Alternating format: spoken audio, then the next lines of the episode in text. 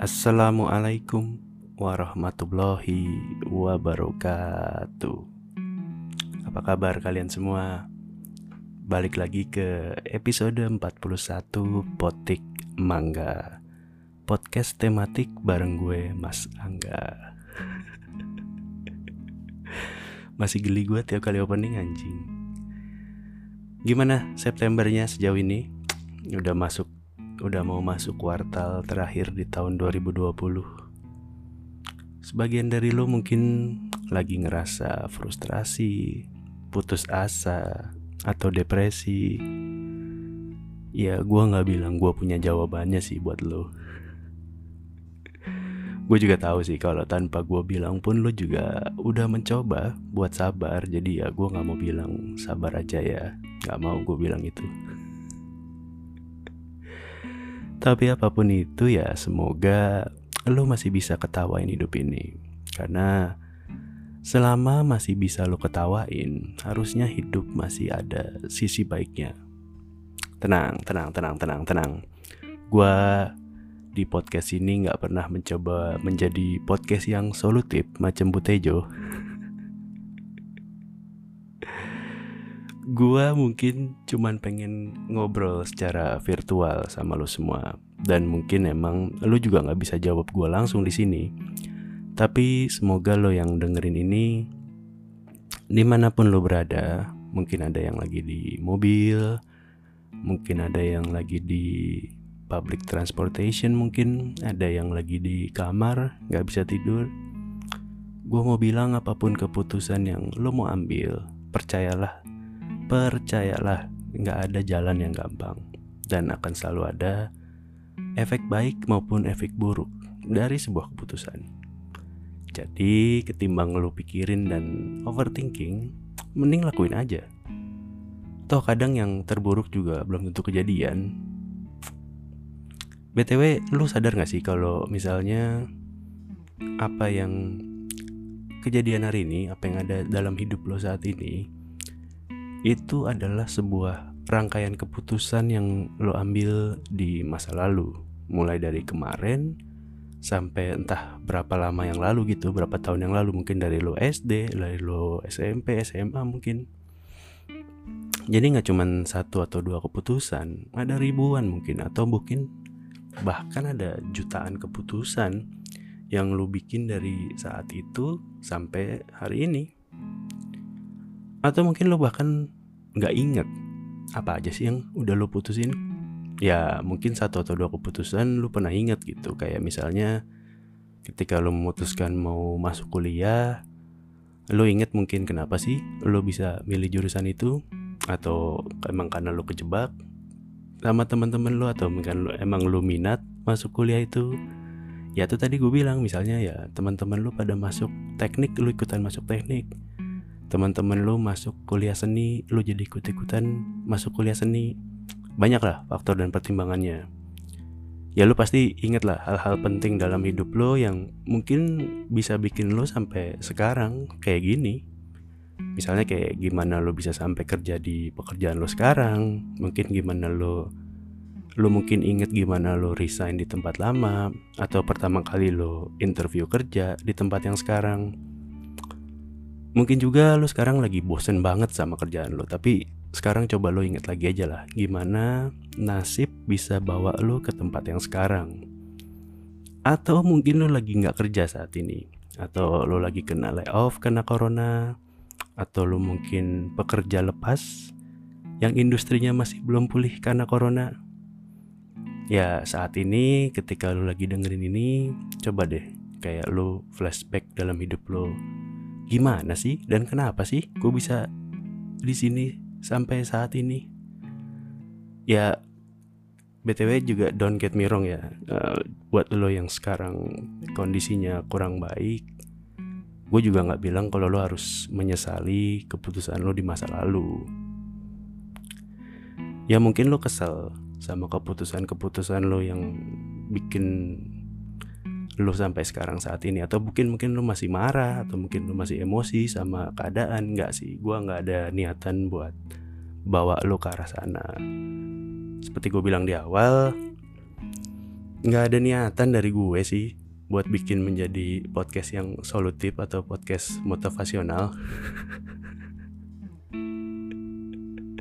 Secara kredibilitas juga gue nggak ada ke sana secara niatan juga nggak ada sih ke sana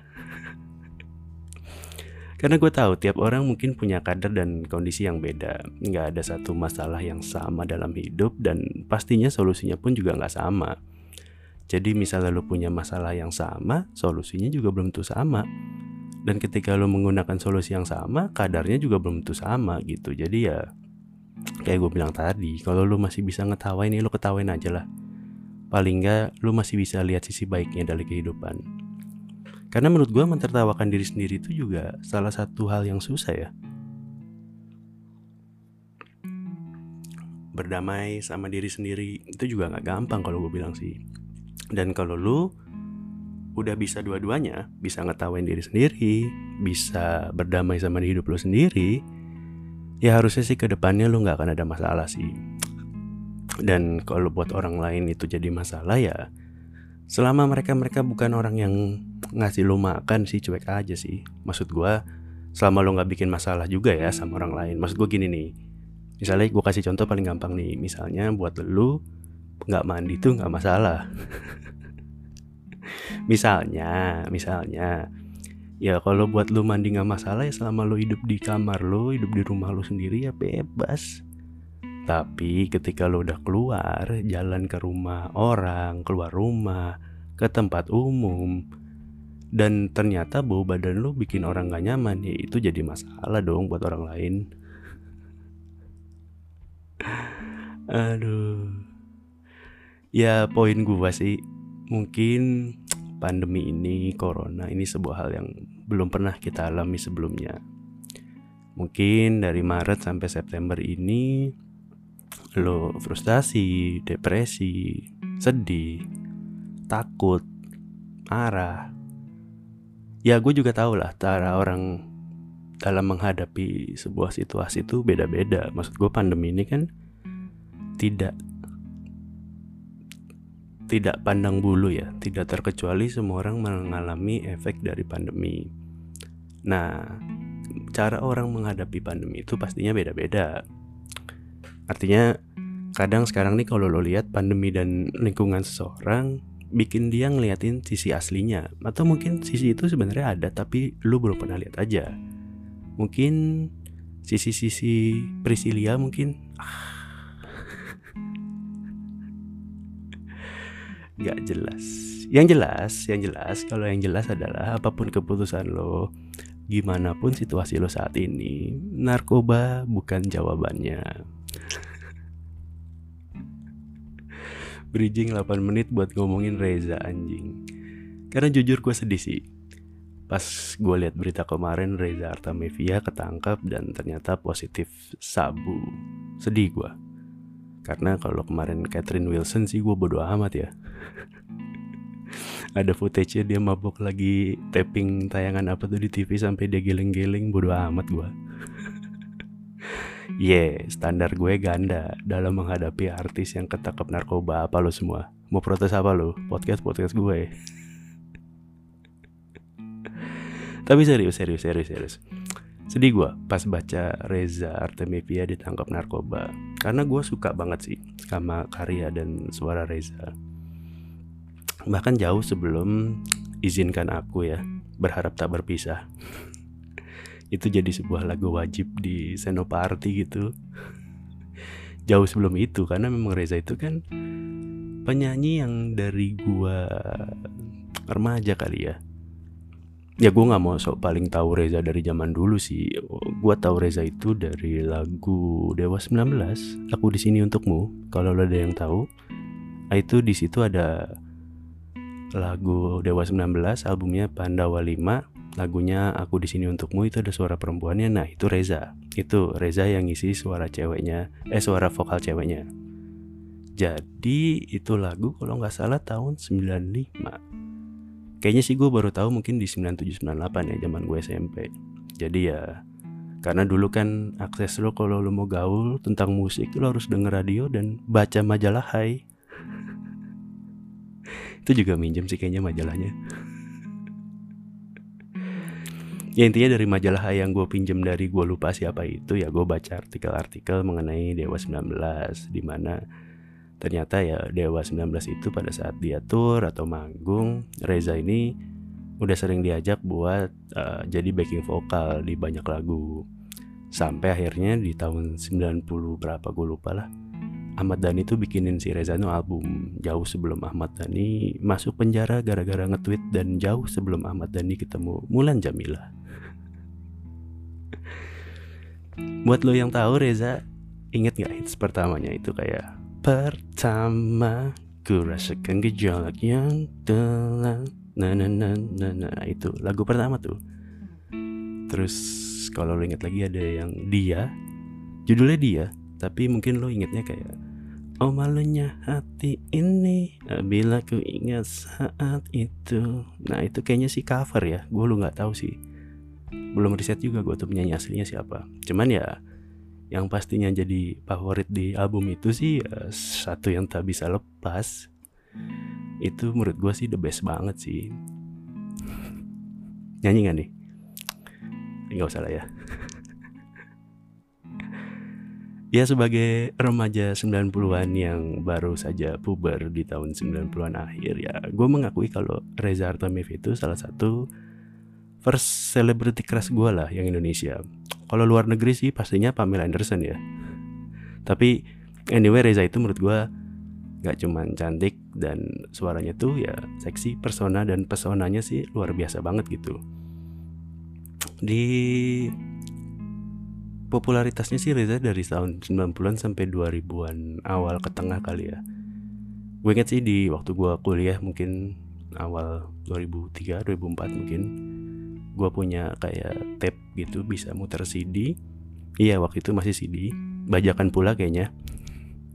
Itu kayak Reza tuh salah satu yang gue punya sih CD-nya jadi ya kalau nggak salah bahkan CD-nya itu bajakan Reza Greatest Hits. Gue juga kayaknya sampai sekarang kayaknya Reza nggak pernah ngeluarin album Greatest Hits sih. Intinya di CD itu mulai dari pertama sampai kayaknya berharap tak berpisah di album terakhir tuh ada semua ada 15 lagu apa kalau nggak salah. Bajakan banget lah yang covernya nggak jelas gitu. Jadi ya setiap gue mau jalan ke kampus atau misalnya lagi di kosan mau nyetel ya salah satu CD yang gue setel ya pasti CD-nya si Reza itu. Ya ganti-ganti sih memang karena masa itu juga era Silon Seven tuh kenceng banget. Kemudian Dewa 19 era Once itu juga keren. Tapi ya buat gue sih Reza Artamevia tuh everlasting dalam hati gue men. Anyway, tapi gue nggak mau juga jadi fans yang demanding, yang mengharuskan idolanya tampak sempurna. Karena menurut gue, tiap artis, musisi, penyanyi, seniman, apa pun itu, mereka juga manusia. Mereka nggak sempurna, mereka sama kayak kita semua gitu. Jadi ya buat Reza kalau dulu dia memutuskan untuk gaul sama AA Braja Musti, AA Braja Musti, mesti ngapain sih? Ya bebas-bebas aja lah. Reza mau temenan sama siapa aja juga bodo amat. Emang apa urusnya sama hidup lo ya gak sih? Dia mau temenan sama si A kayak si B A Geraja Musti B B Geraja Musti C C Geraja Musti bodo amat gitu. Ya bebas aja lah. Ya lu sebagai fans juga nggak bisa ngatur-ngatur gitu. Dan gue cukup yakin ya dalam hidup lo gitu ya lu pasti punya kok temen yang kayaknya di mata orang nggak nggak banget gitu. Pasti adalah temen lo yang kayak gitu lu pasti ada lah dalam situasi di mana temen lu yang bilang ah sorry temen lu yang lain bilang kayak lu ngapain sih temenan sama dia? Ih nggak banget deh.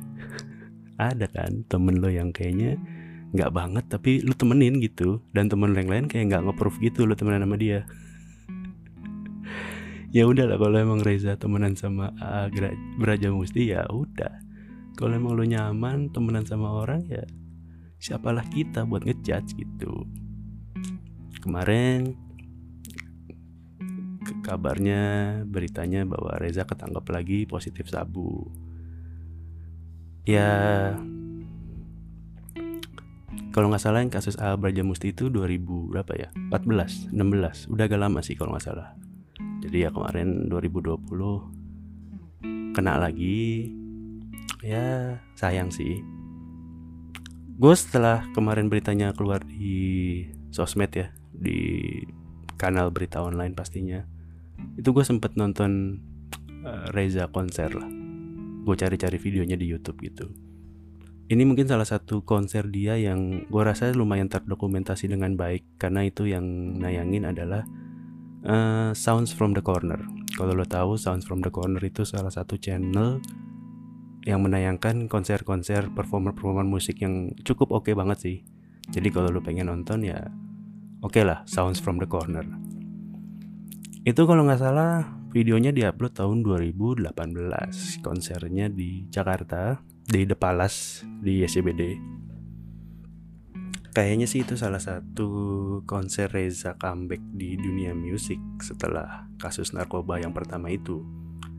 Soalnya dia kelihatannya masih agak tanggung masih kayak beberapa kali lupa lirik terus kadang-kadang off tune gitu.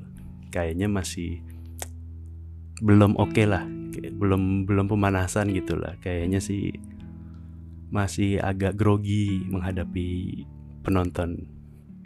Ya tapi gue maafin sih. Reza pasti gue maafin. Reza itu nggak pernah salah. Itu pasti yang salah adalah playernya gitu additional playernya atau sound engineer bahkan atau bahkan mungkin yang ngerekam salah kayaknya sih. Reza nggak mungkin salah. Sedih gue lihat Reza ketangkap lagi. Karena menurut gue dibandingin diva-diva yang so called diva di Indonesia itu ya KD, Titi DJ, siapa Rosa mungkin atau siapalah yang old school lah dari tahun 2000-an 90-an akhir itu lewat semua itu suaranya sama Reza ya Reza idolaku lah ya tapi tadi yang gue bilang bahwa mungkin kita saat ini adalah eh, hasil dari serangkaian keputusan kita di masa lalu. Kita hari ini coba lo tengok kanan kiri lo, mungkin kayak kerjaan lo, pasangan lo, atau mungkin sekarang tempat tinggal lo, di mana lo berada saat ini ya akumulasi. Gak cuma ratusan atau ribuan, mungkin bahkan jutaan keputusan yang lo udah dulu ambil sampai detik ini. Ya, kalau mau disambung-sambungin, mirip lah sama situasi COVID-19 di Indonesia saat ini. Sekarang angka hariannya udah 3 ribuan. Bahkan di suatu hari itu ada di 3600 berapa gitu. Sebuah angka di mana satu hari kita itu lebih banyak dari total angka positif di Thailand. Jadi ya itu adalah hasil dari kebijakan bapak-bapak di pemerintah sih dari awal dari awal corona masuk jadi ya nggak heran kalau kita saat ini dilarang masuk di banyak negara. Kalau nggak salah ada 50-an gue lupa tepatnya berapa. Ada sekitar 50-an negara yang nggak boleh kita masuk. Meskipun kita punya visa jangka panjang. Artinya kalau dulu memang semua turis memang tidak boleh masuk. Visa jangka pendek itu tidak ada yang bisa boleh masuk juga sampai saat ini. Tapi beberapa visa jangka panjang itu boleh masuk sebenarnya ke negara-negara tujuan lo itu buat yang nggak tahu visa jangka panjang itu apa ya salah satunya misalnya visa pelajar visa bekerja visa pasangan jadi misalnya lo punya istri orang Amerika atau lo punya istri orang Malaysia, Singapura ya lu pasti punya visa pasangan yang membolehkan lu masuk ke sana. Kurang lebihnya kayak gitu sih. Nah, sekarang berkat keputusan dari awal Covid sampai sekarang yang agak kurang jelas kayaknya, ya kita nih dilarang masuk nih ke 50 negara. Bahkan Malaysia aja nggak mau loh kita masuk ke sana. Malaysia loh